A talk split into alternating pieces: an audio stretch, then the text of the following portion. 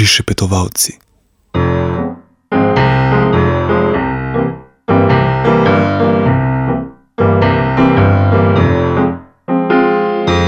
Želim živeti brez skrbi in tu jaz tiskam me ne briga.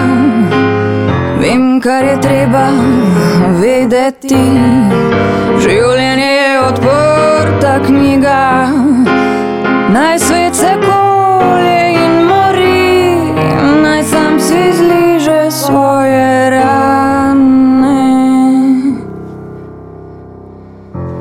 Nič več ne maram slišati, ne kvarite mi kembane. Največ je vreden mir, največ je vreden mir.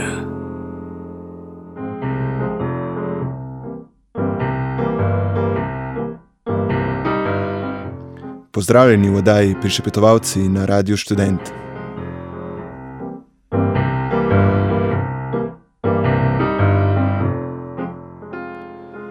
Najbrž se še spominjate akcije Očistimo Slovenijo. Tistega veselega druženja, ko se je reševanje ekološke problematike zreduciralo na malo bolj kompleksno različico tistega, čemur smo v osnovni šoli rekli pobiranje papirčkov. Pozabimo na pesticide, pozabimo na antibiotike v krmi, pozabimo na kostno moko, pozabimo na tež 6, pozabimo na globalno segrevanje in njegove politično-ekonomske razloge. Pozabimo skratka na sistemske probleme in sistemske rešitve. Vse se bo rešilo, če si na praznični dan nataknemo rokavice in tekmujemo v tem, kdo bo v gozdu našel starejši štedilnik in na zbirno mesto prinesel bolj polno vrečo.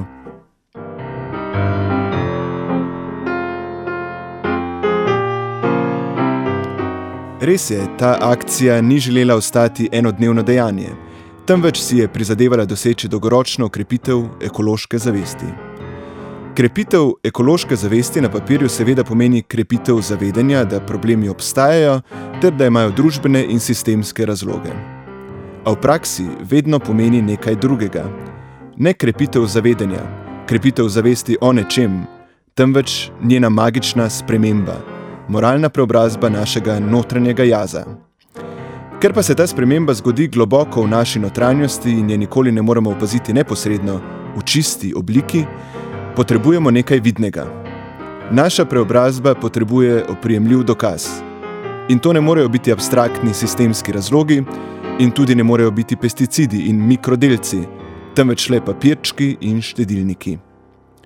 In ko se, če se imenuješ Janez Janša, skupaj s soprogo fotografiraš ob štedilniku, ki si ga izsledil v gozdu, Sloveniji sporočaš. Poglejte, tole sem jaz, jaz sem čist, jaz sem učinkovit, delam celo na praznik. In tole tukaj je štedilnik, odpadek, ki je problem in ki ga je treba odstraniti.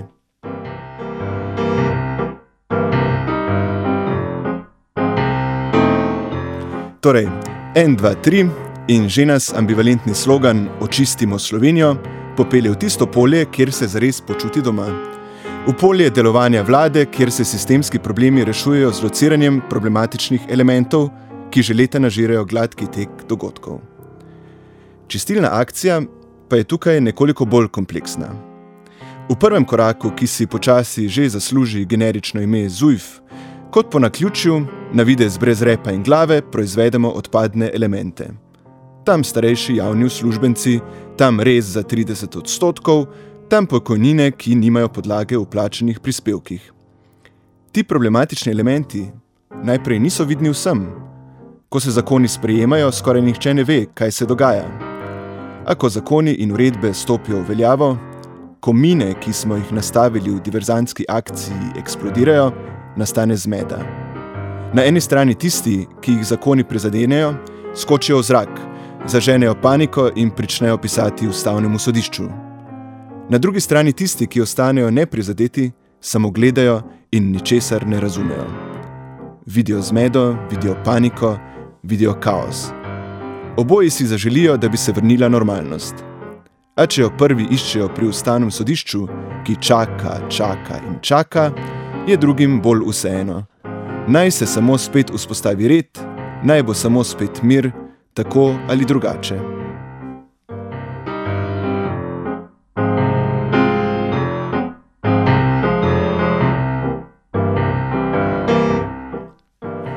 In vlada jim tu streže. Zmeda, ki ste ji priča, v resnici ne izvira iz naših dejanj, temveč je zgolj učinek našega razkritja. Ni videti lepo, a če ne bi bilo nas, bi še vedno živeli v iluziji, da je vse normalno. Še vedno bi pokorno sledili strategiji stricev iz ozadja, ki skušajo tranzicijsko kontinuiteto prikazati kot normalnost. A brez skrbi, zdaj smo odkrili prave probleme in lahko začnemo mirno delati. Zdaj sledijo reforme, ki bodo mirno skozi dialog pokazale, da problemi niso bili tam, kjer ste mislili, da so. Problem pokojninske ureditve ni neplačevanje prispevkov strani podjetij, temveč premajhna motiviranost posameznikov, da se vključijo v pokojninsko zavarovanje. Problema se ne rešuje s podaljševanjem pokojninske dobe, temveč s podbujanjem nemotiviranih posameznikov, da ne bi predčasno odhajali v pokoj. In problem pokojninske ureditve, če pridemo do bistva, sploh niso pokojnine v pravem smislu, temveč tisto, kar je razkrila akcija, ki smo jo izvedli v okviru ZUJFA. Obstajajo pokojnine, ki sploh niso pokojnine, temveč privilegirani dodatki. Pokojninsko blagajno je, če smo čisto neposredni, nujno očistiti pokojnin, ki niso pokojnine. In že če bomo naredili to, bo upravljen največji kos dela.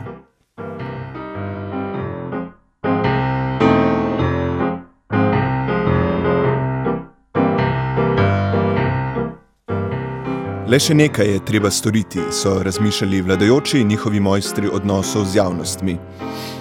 Večina si res želi normalizacije in bi zato dali marsikaj, a ker smo počeli, kar smo počeli, smo v vladi ostali brez prepričljivega zastopnika upokojencev. Erjavca nihče več ne posluša. Vsi so že skoraj pozabili, kaj pomeni desus. In na televiziji se kot predstavnica upokojencev vse pogosteje pojavlja predsednica Zveze društev upokojencev Mateja Kožuh Novak ki pa kar noče igrati na našo struno in zastopati pravih upokojencev, temveč brani tudi tiste, ki po naših novih določilih to sploh niso več. To je tako kot takrat, ko je v našem prejšnjem mandatu 571 kot dan novinarjev napisalo peticijo, v katerem so nas obtoževali političnih pritiskov na medije. Takrat smo molili, da bi novinarje končno začel predstavljati še kdo drug kot Društvo novinarjev, in čez dober mesec se nam je molitev uresničila. Peter Jančič, Slavko Vizovišek, Brani Senegačnik, Silvestr Šurla, Matej Makarovič, Zlata Krašovec, Igor Kršinar, Jure Sešek, Tino Mamič, Vanessa Čokl, Vlad Vodušek, Aleš Kocjan in Borut Meško so ustanovili Združenje novinarjev in publicistov. Bi ne bilo modro tudi zdaj ponoviti kaj istega? Dajmo, molimo in morda nastane še kakšna drugačna zveza upokojencev.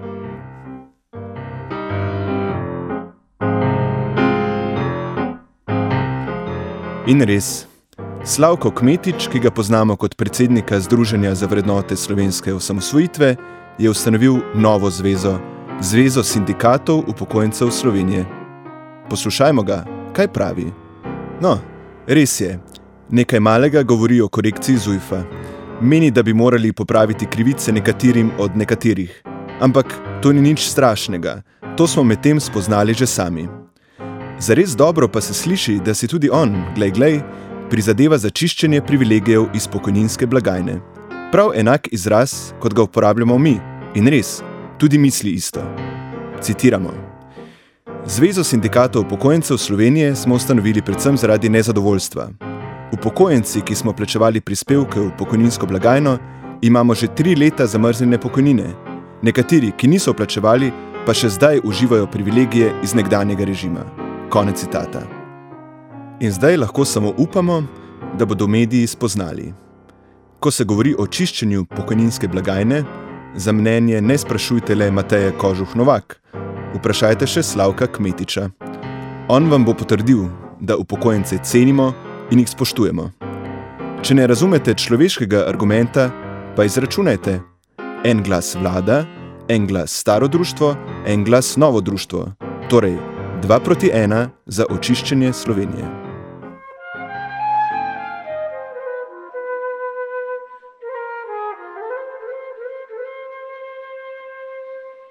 Go slow Ooh, honey, take it easy on the curves when love is slow. Ooh, honey, what a tonic for my nerves. Go slow, ooh, honey. We've got such a lot of time when love is slow, Ooh, How the mercury does climb. I like my lovin' done gently. So when your kissing lips start, just a little here,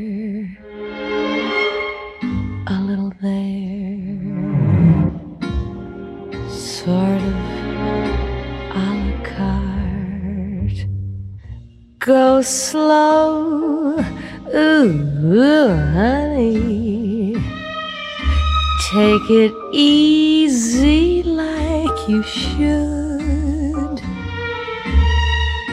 When love is slow, ooh, honey, then it does you so much good.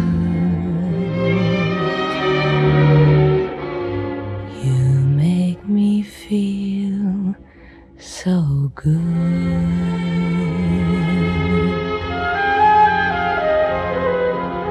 You make me feel so good.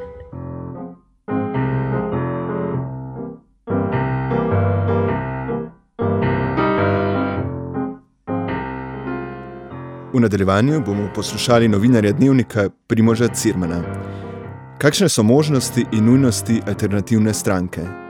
Kakšne so možnosti alternativnega ekonomskega pristopa? Kako učinkujejo Janševe besede in iz kakšne snovi so finančni trgi? A najprej o tem, zakaj in kako se je izjalovil načrt prve opozicijske izredne seje, kjer je pozitivna Slovenija zaznala pravi problem in morda začutila pravi pristop, a ji o tem očitno ne bo uspelo govoriti. Pogovor smo posneli 12. septembra. Vse je še vedno enako. Napaka je bila seveda ne, ne v samem namenu, ne, logično pač opozicija um, je, je logično, da se bori z vsemi topovi proti, proti neki oblasti oziroma jo pač nadzira. Ne, in zdaj, glede na to, da po vsem tem, kar se je v Sloveniji dogajalo v zadnjih koliko, šestih mesecih, je zdaj zahteva za eno izredno sejo, um, pač v bistvu sploh ne bi smela biti neka novica. Ne. Uh, Seveda pa je problem sama izvedba, ne, ker pač. Um, in to mislim, da je največja težava te aktualne opozicije v parlamentu, je, ker enostavno je v parlamentu sedi toliko novih, narekovajih obrazov, toliko ljudi, ki dejansko niso bili do zdaj politiki in se šele uvajajo, da dejansko pač to nepoznavanje poslovnika niti ne preseneča. Ne. Skratka, manjka jim nekih starih mačkov tega parlamentarizma, ki bi jih naučili nekih trikov. In, in izbrali so si najslabši možni čas dejansko za, za uvajanje. Ne.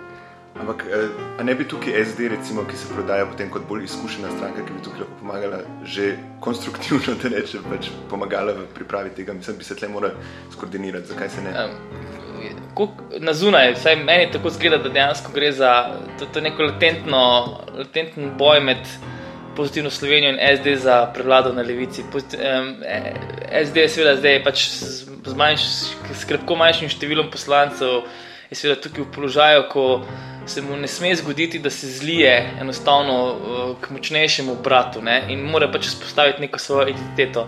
Zdaj, um, Prej pod Pahorjem, s tem niti niso imeli težav, ne, ker je Pahor dejansko um, imel neko, neko svojo, svojo zgodbo, je, od katere je stranka na koncu se bolj ali manj distancirala. Zdaj je pa seveda pod Lukšičem, ki je nazorsko bliže Jankoviču, ta identiteta toliko težje. Ne. In zdaj seveda Um, potem so tukaj še javnomnenjske raziskave, po katerih sta si pozitivno in SD blizu in dejansko bo, um, kot vedno, v primeru predčasnih volitev, bodo pač glasovi v zadnjem tednu šli iz tega bloka, šli nekomu, ker bo voljivci ocenili, da je močnejši. Ne? In pač se bo drug neprostovoljno žrtvoval. Ne? In, in pač mislim, da tukaj SD želi nek enakopravni položaj in ne pristaja na to, da bo primat parlamentarne opozicije vodil nekdo iz pisarne Ljubljanskega župana. Mm. Pa misliš, da bojo predčasne volitve? Um, zdaj, glede na to, da je Slovenija v najslabšem gospodarskem položaju po osamosvitvi, da so perspektive vsaj za naslednje leto dni um, tako rekoč ni, da um, je tveganje za um, resno socialno krizo zelo veliko, um, potem da je pritisk od zunaj narašča, je v bistvu skoraj težko verjeti, da teh predčasnih volitev ne bi bilo, da bi lahko neka vlada, ne glede na to, ali je v tej sestavi ali v drugi, v bistvu lahko zdržala do 2015. Um, namreč problem pri kriznih vladah je, da potrebujejo legitimnost. Ne? In zdaj um, Zdaj, nekateri že te vladi porekajo legitimnost, ker je pač sestavila um, stranka, ki ni bila najmočnejša po številu glasov. Ne. Zdaj, če bi prišlo do novega um, kroga, recimo teh nekih policijskih pogajanj, in bi spet tista vlada imela še manj legitimnosti. Ne. Skratka, um, jaz dejansko res ne vidim možnosti, da bi, da bi bile na svetu bitve 2015. Ne. Pri tem pa seveda ne gre nikakor podcenjevati samo hrintvenega refleksa ljudi, ki sedaj, sedaj sedijo v državnem zboru. Tam so, tam noter sta dve, tri stranke, ki v primeru volitev je zelo tvegan, oziroma vstop v parlament ali celo izginejo z političnega prizorišča in te stranke bodo naredile vse, da tam notri ostanejo. Tako da v bistvu te plati tudi pa ni mogoče tako mal, verjetno, da celo po nekem čudežu um, ta sedanji red obstane do takrat. Ne.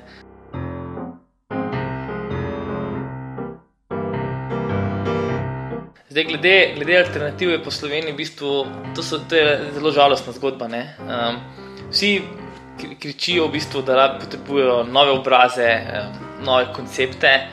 Um, problem, problema je tukaj, tukaj sta dva. Prvo, prvo je v bistvu stvar, stvar iz, iz, izpeljave. Ne?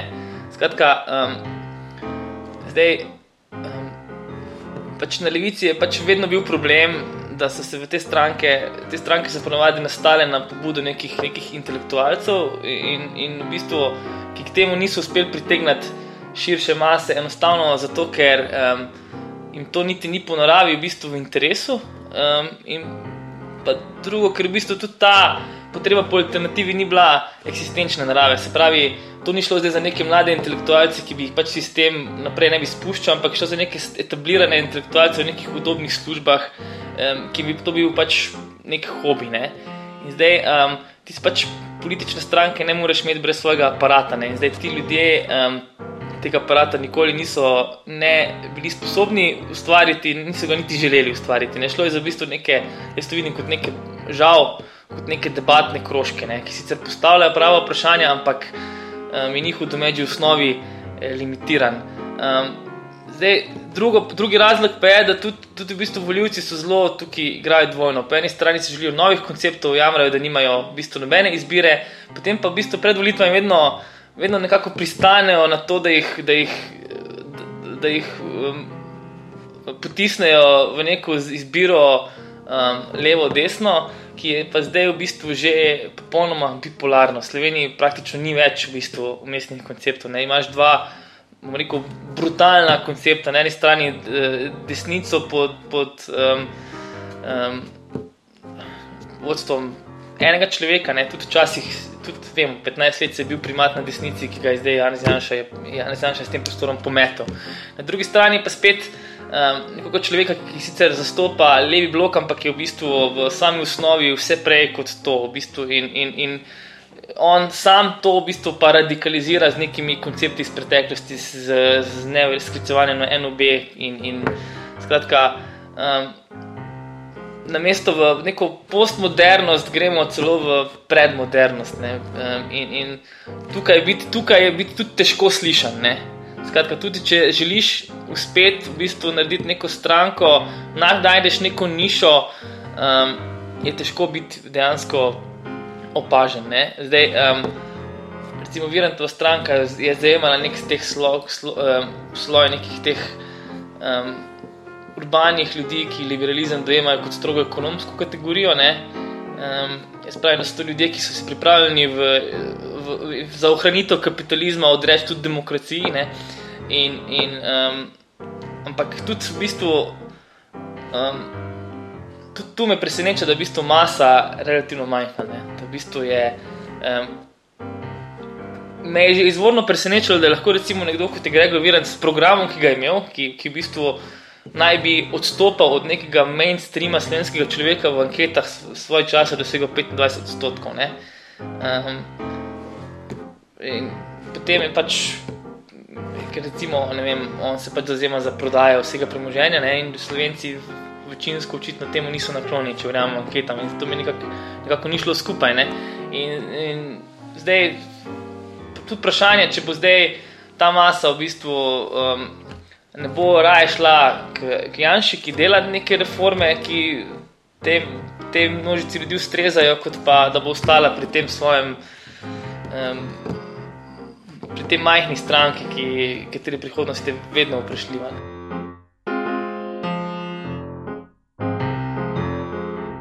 To je ena zelo žalostna zgodba. Um, namreč um, ima pa več plati. Prva je seveda z, povezana z odnosom, ki ga ima um, politika v Sloveniji do, do javnega oziroma do javne televizije.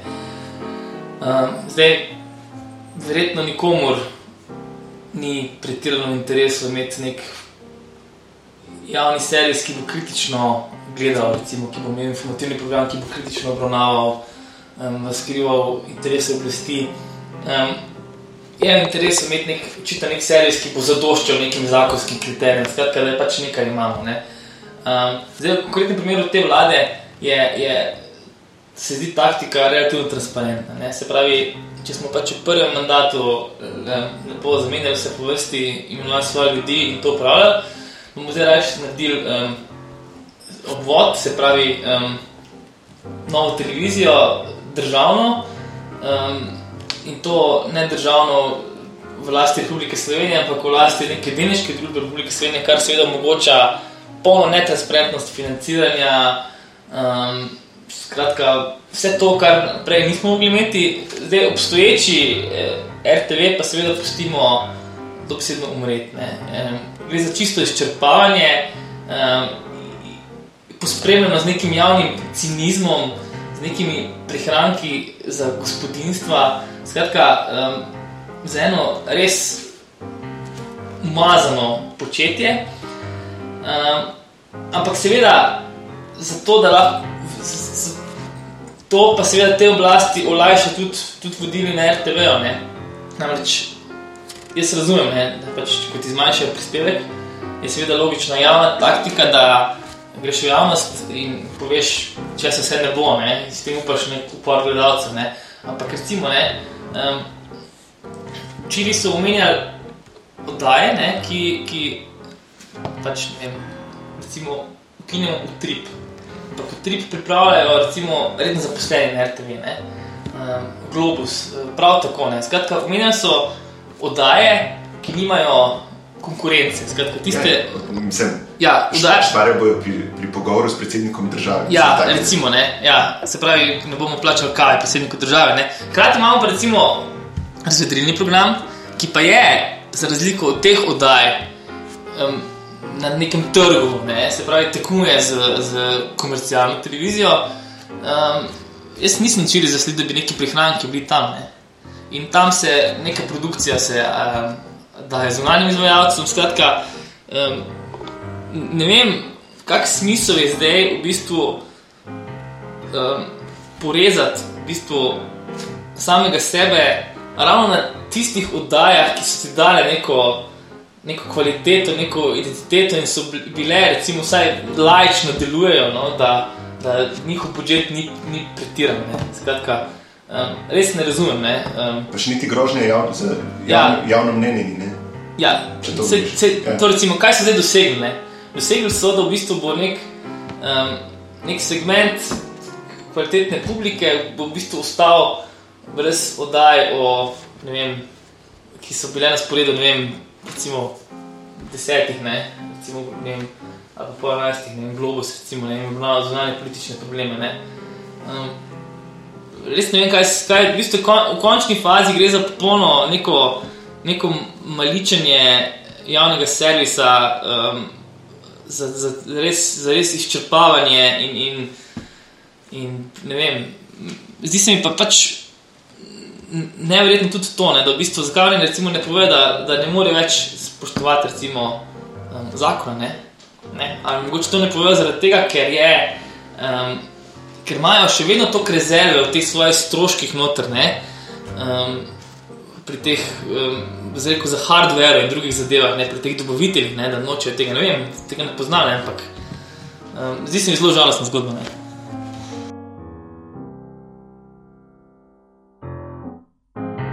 Izjave, ki jih on daje, jaz, jaz ne bi pripisoval nekega globjega pomena, ne? ampak on, ker on enostavno gre enostavno za, on to izrablja za notranje politične potrebe. Ne? In pika, ne? to je jasno. Ne? On v bistvu pomočjo policaja od zunaj eh, grozi um, opoziciji in javnosti, češ, če ne boste delali to in to, ne, smo vsi na dolgi rok mrtvi. Ne? To on počne, to je v bistvu neka prefinjena oblika ustrahovanja. Ne? Um, od predsednika neke vlade suverene države pričakuješ, seveda, da se bori um, za svoje interese, ne, um, za, za interese države. Ne, pardon, se pravi, um, pač tudi v odnosu do teh ljudi, ki dejansko zdaj vodijo um, območje evra, ne, se pravi, v odnosu do, do, do vem.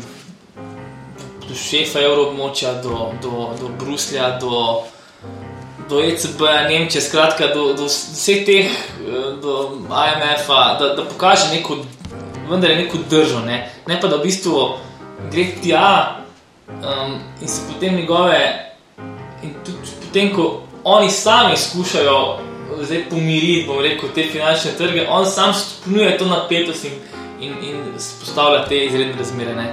In to je pač na dolgi rok, seveda, povzroča ogromno škodo Sloveniji. Um, te izjave so v bistvu imajo ogromne posledice. ne. Um, včeraj je bila um, prodaja zakladnih menic države um, relativno slaba, um, kapitala od domače banke um, se tako rekoč od zunaj ne da več dobiti, to nam je včeraj smo videli na primeru A-banke. Skratka, um, zdaj, glede prodaje premoženja, pa tudi v bistvu to je dvorezen meč. Ti razlagaš, da je v bistvu neka država na robu bankrota, da, je, da, je, da bo oktobra nelikvidna, um, tudi ne boš nič prodal. Ne, ne boš prodal, noben tujec ne bo v bistvu um, kupil podjetja v državi, ki, kjer v bistvu se, se suvane.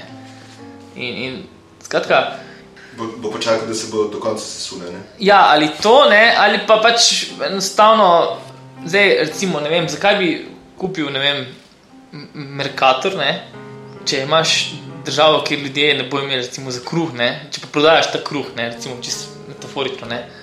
Um, mislim, da gre tu enostavno za neko, za neko pač perfidno zlorabo eh, tega položaja, ki ga je zdaj ima, da pač hodi po tujini in potem prihaja domov z nauki in, in, in spade, če še sem državnik, razumem, kaj delam. Ne, um, ne vem, v bistvu um, je ir- ironično, ne, nekdo, ki se ima za usamosvojitelja, nekdo, ki, ki pravi, da je v bistvu on. Ki ga imajo njegovi privrženci za glavnega pobudnika osamosvojitve, zdaj v bistvu dela ravno obratno, dela vse, da bi mi to samostojnost v bistvu izgubili. ne. Um, mislim, saj, saj On si to lahko češ, vse je logika. Ne?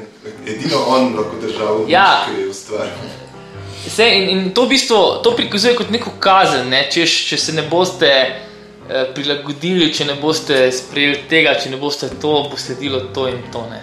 Um, in s tem v bistvu izrinja politiko, ne? to je konec politike. Ne? To, je, to je v bistvu, um, on v bistvu predstavlja, um, on je politiko predstavil v sfero objektivnega naravoslovja. Ne? Ne? Se pravi, ena je resnica in, in debate ni, alternativ ni. To imate, vzemite ali pa pogromne.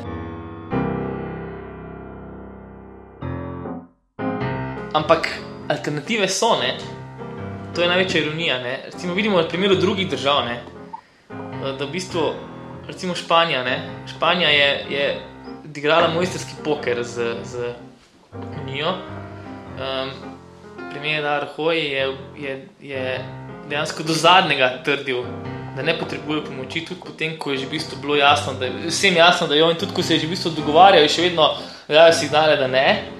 Um, no, potem so v bistvu pristali, so recimo neko številko 100 milijard in so rekli, da to bo za dost. Zdaj so pa španske države začele izstavljati svoje račune, 5 milijard, ne vem, Katalonija, 4,5, ne vem, druga država. Skratka, zdaj se pa to v bistvu, zdaj ko smo pa sklenili in pomagali, zdaj se je pa to začelo še rekopičiti. Pri nas je pa obratno, pri nas se pa dejansko stanje prikazuje kot. Um, Sej smo seveda dolgrla v problemih, ne? imamo probleme, ampak v bistvu problem je največji problem seveda slovenske banke, ne? Ampak, ampak dejansko daje se neke pošaljne ocene o, o, o milijardah. Um, zdaj, potem, ko smo štiri leta poslušali, da dejansko ni razloga za paniko, skratka, noben niti ne ve, kaj dejansko je v teh bankah. Um, zato bi bilo mogoče pametneje, da bi mi na zunaj nastopali kot, kot, da, kot recimo, malo bolj konzervativno državo, da bi rekli, da pa verjetno stanje je sicer slabo, ampak je rešljivo.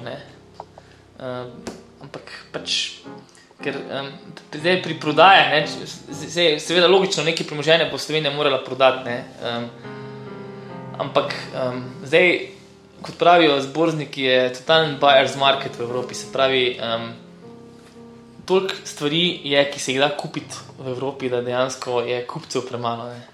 Ne? In zdaj, um, nek, ne vem, v Sloveniji za neka Adria Airways, recimo, da bi, da bi recimo zanimala, da bi bilo nek vrsta za to, ne, um, tega ne bo, ne. Bo pač kakšen finančni vlagatelj, mogoče ne, kak sklad se obnaša za kakšno podjetje, ne, ampak recimo ni, ne, ker enostavno je toliko bank, toliko finančnih inštitucij um, se da kupiti, da, ne vem, mislim, da tudi ta, da da zdaj panike, da bo Slovenija razprodala vse, enostavno ne more biti, ker, ker, ker to ne bo mogoče, ker kupcev ne bo za to. Ne. In kaj bo potem naredil, mislim, ne bojo mogli prodati, kakšen je potem scenarij? Um, sej, lej, to je največ, to je v bistvu, tega ne vemo, ne. V bistvu, sej, zdaj smo prišli v bistvu v fazo, ne. Vsi ljudje več ne razumejo, zakaj se gre, ne. Zdaj v bistvu smo um, ne vem, v nekem praznem prostoru. Ne? Um, veš, ker Slovenija je vedno funkcionirala, ne? recimo pač, kako bo samosvojitev, ne? vedno je bil nek cilj, ne? samosvojitev, EU, NATO. Um, zdaj tega ni, ne? ni cilja, ampak je prazen prostor, ker enostavno je tudi ta, ta politika v klasičnem smislu je ni več.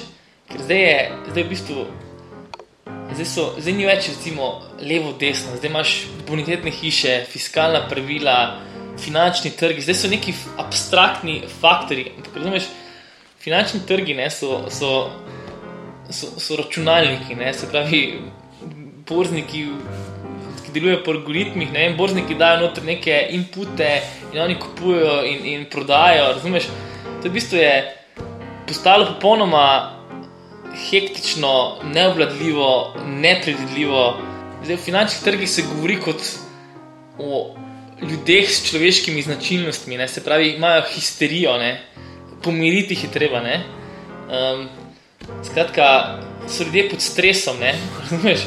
In, in, in lej, kar se bo v petih letih zgodilo, to, to je absolutno nemogoče napovedati. Ne? Tud, to je en tak nek, nek vrtinec nečesa, ne vem. In, in, pač enostavno ne vem, kje je v bistvu konec tega. Ne?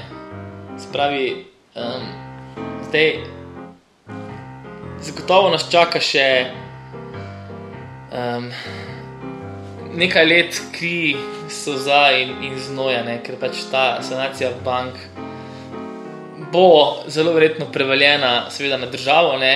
kar bo v bistvu močno povečalo našo zadolženost ne? in pač bomo skozi v bistvu. Recimo naslednje pol desetletja, če ne desetletje, bomo pač odvisni od dobre volje posojilodajalcev. Seveda bo pa ta dobra volja posojilodajalcev odvisna od um, tega, ne, kaj se bo sploh zgodilo z Unijo samo, ne, ker v bistvu se to je znano, Slovenija je pač relativno nepomembna v tem kontekstu. Ne. Um, tudi reševanje Slovenije bi, bi stalo, ne vem, recimo 4 milijarde, ne, to je absolutno irrelevantni znesek v kontekstu številk, ki so se pojavljali recimo pri drugih državah. Skratka, v bistvu, če začne kašljati, kjer od večjih članic, recimo Španija, še bolj kot zdaj, ne, bo to avtomatsko vplivalo tudi na Slovenijo. Skratka, in toliko nekih faktorjev, da dejansko le, karkoli napovedovati, ne, je nemogoče. Ne.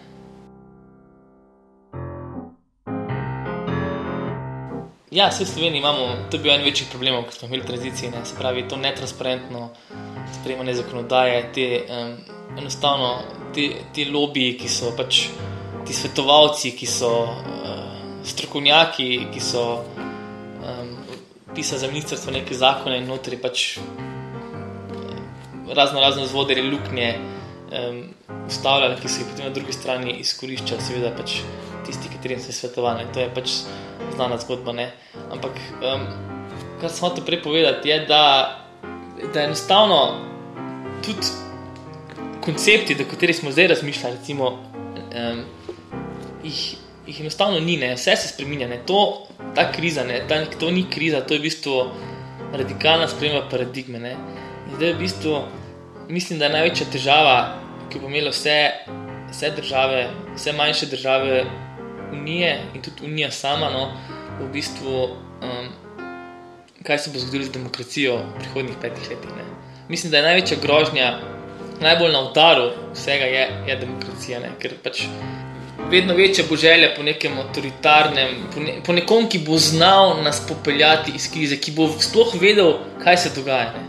Ker nam ni jasno. Ne, ker, eh, zadnjič je bila na oddaji preverjeno anketa, ko so ljudi spraševali, kaj je to fiskalno pravilo, pa nihče ni vedel. Ne? Ne? Skratka, vse, vse je postalo tako kompleksno, da zdaj pač rabimo nekoga z znanjem, nekega nestorja, ki bo vedel, ne? tehnično vlado, ne? modrece. Ne? Ne? In, in ok, ne zanima nas, kdorkoli bo, ne? ne rabimo demokratične legitimnosti. Ne? To je pa nevaren teren, ne? ker ko pa enkrat seveda to spustiš iz rok, ne? pa zgodovina kaže, da uh, pogosto ne dobiš nazaj. Ne?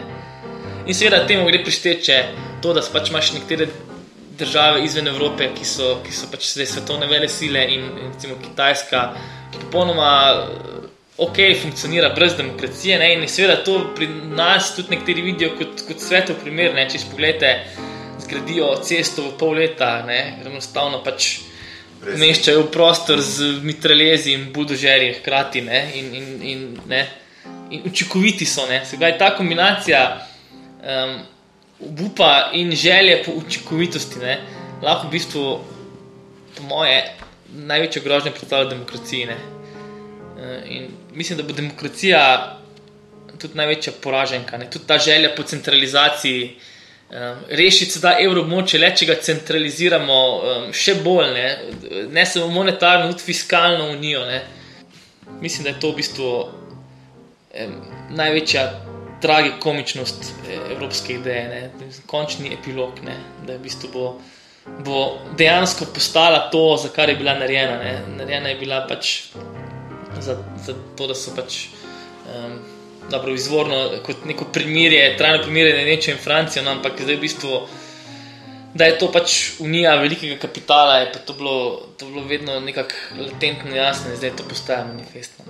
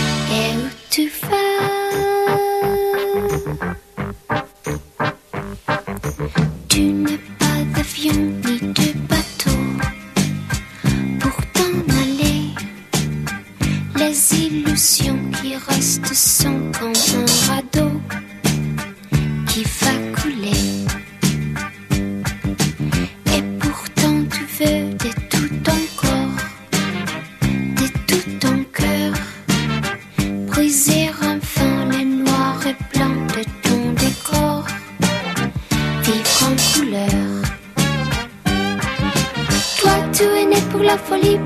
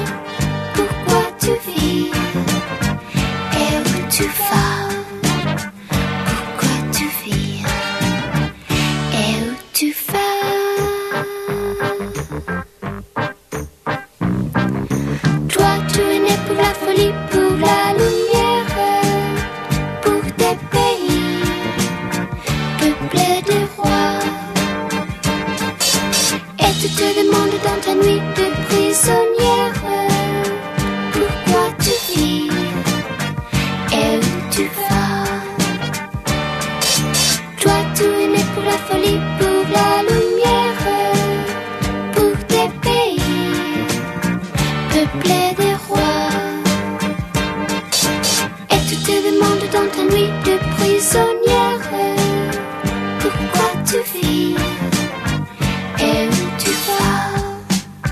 Pourquoi tu vis et où tu vas. Poslušali ste oddajo Prišepetovalci na Radiu Student. Pripravila so jo Aleš Korpič in tedaj Troha, tehniciral je Linč. Prišepetovalci.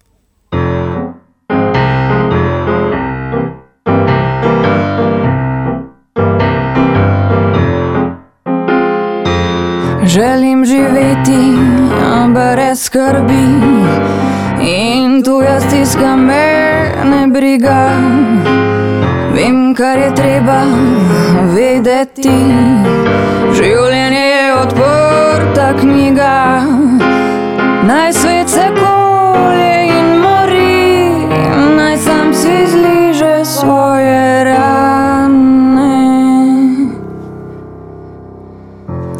Nič več ne maram slišati, ne kvarite mi kebane.